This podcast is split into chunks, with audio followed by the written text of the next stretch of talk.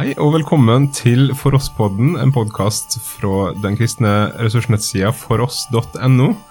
Eh, også djupt inn i adventspodkasten vår, eh, og skal nå snakke videre om eh, søndagsteksten for lille julaften. Fra Matteus 1, 18 til 25. Eh, og i dag så skal vi snakke om Jesus. Um, og det som står om Jesus i denne teksten Du skal gi navnet Jesus, for han skal frelse folket sitt fra syndene deres.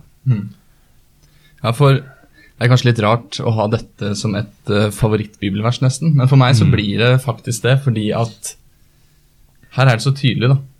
Hvorfor Jesus kommer til jorda Mm. Hva det er han skal gjøre. Ja. Det er altså i ja, det siste året her i Norge så mye debatt da, hva er det Jesus gjør på korset? Hva er det Mm. Jesus egentlig kommer for? Ja. Men her står det så tydelig som det kan få blitt, nesten. Mm. Han kommer for å frelse folket fra deres synder. Ja.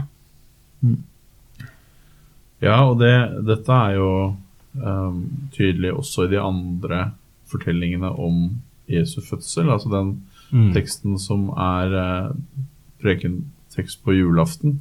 Eh, altså velkjente juleevangeliet, Mm. eh, Lukas 2. Så, så sies, det jo, sies jo det samme. eh, at han ehm, Skal vi se.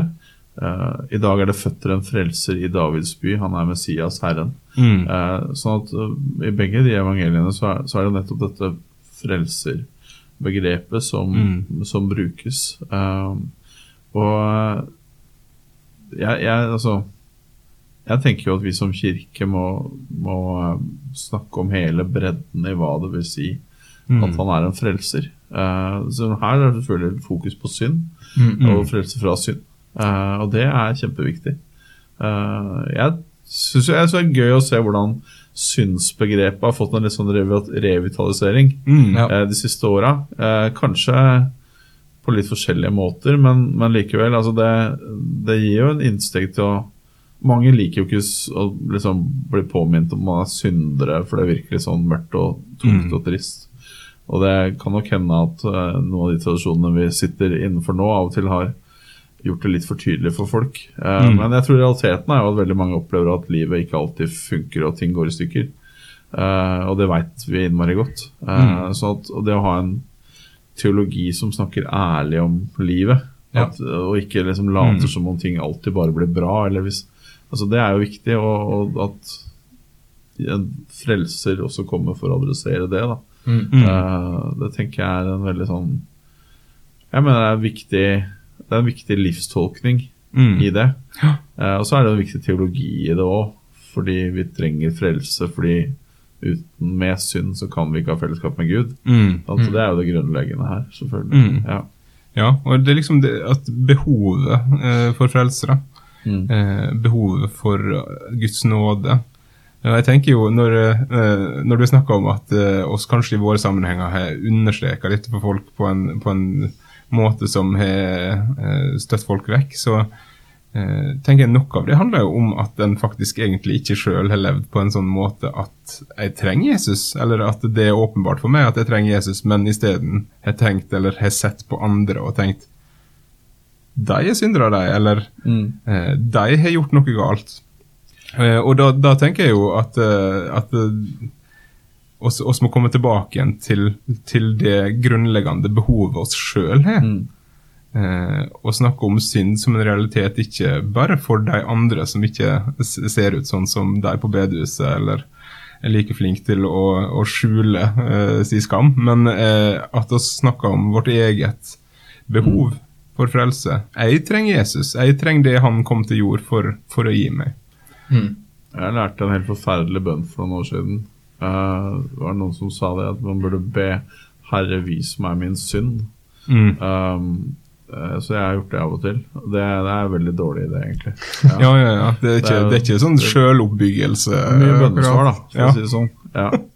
Så at, eh, at, at jeg er en synder som trenger Guds nåde, på en Mm. måte, det er tydelig for meg. Og, og det tenker jeg er viktig. Altså det, det ligger jo Det er, det er da dette teksten er så god, da. Fordi Mm.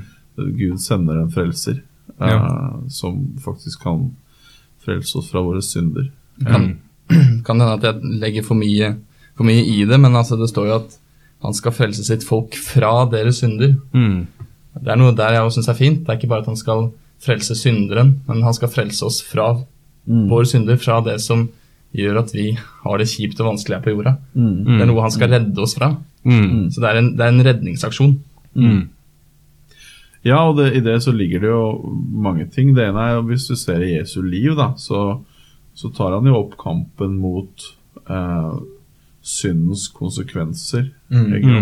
Eh, mot urettferdighet, eh, mot eh, fattigdom, Mm. mot nød.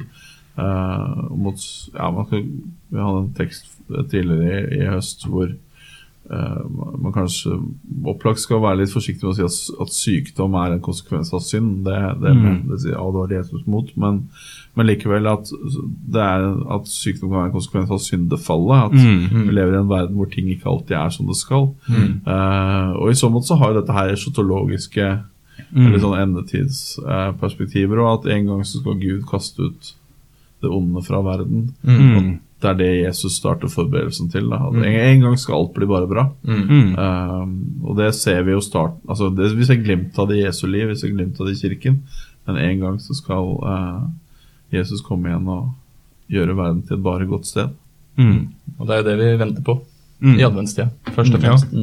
Og det, det er jo det budskapet oss har fått å gå med også til verden. Ikke først og fremst et budskap om, eh, om andres eh, utilstrekkelighet uh, for å peke på andres utilstrekkelighet, men et budskap om håp. Eh, at oss kan få være håpets bærere. Og fortelle om Jesus som kom for å frelse oss fra våre synder til en tilværelse, til en evighet sammen med seg, der alt skal være bra. Takk skal dere ha, og så er jeg tilbake i morgen med siste episode om denne teksten.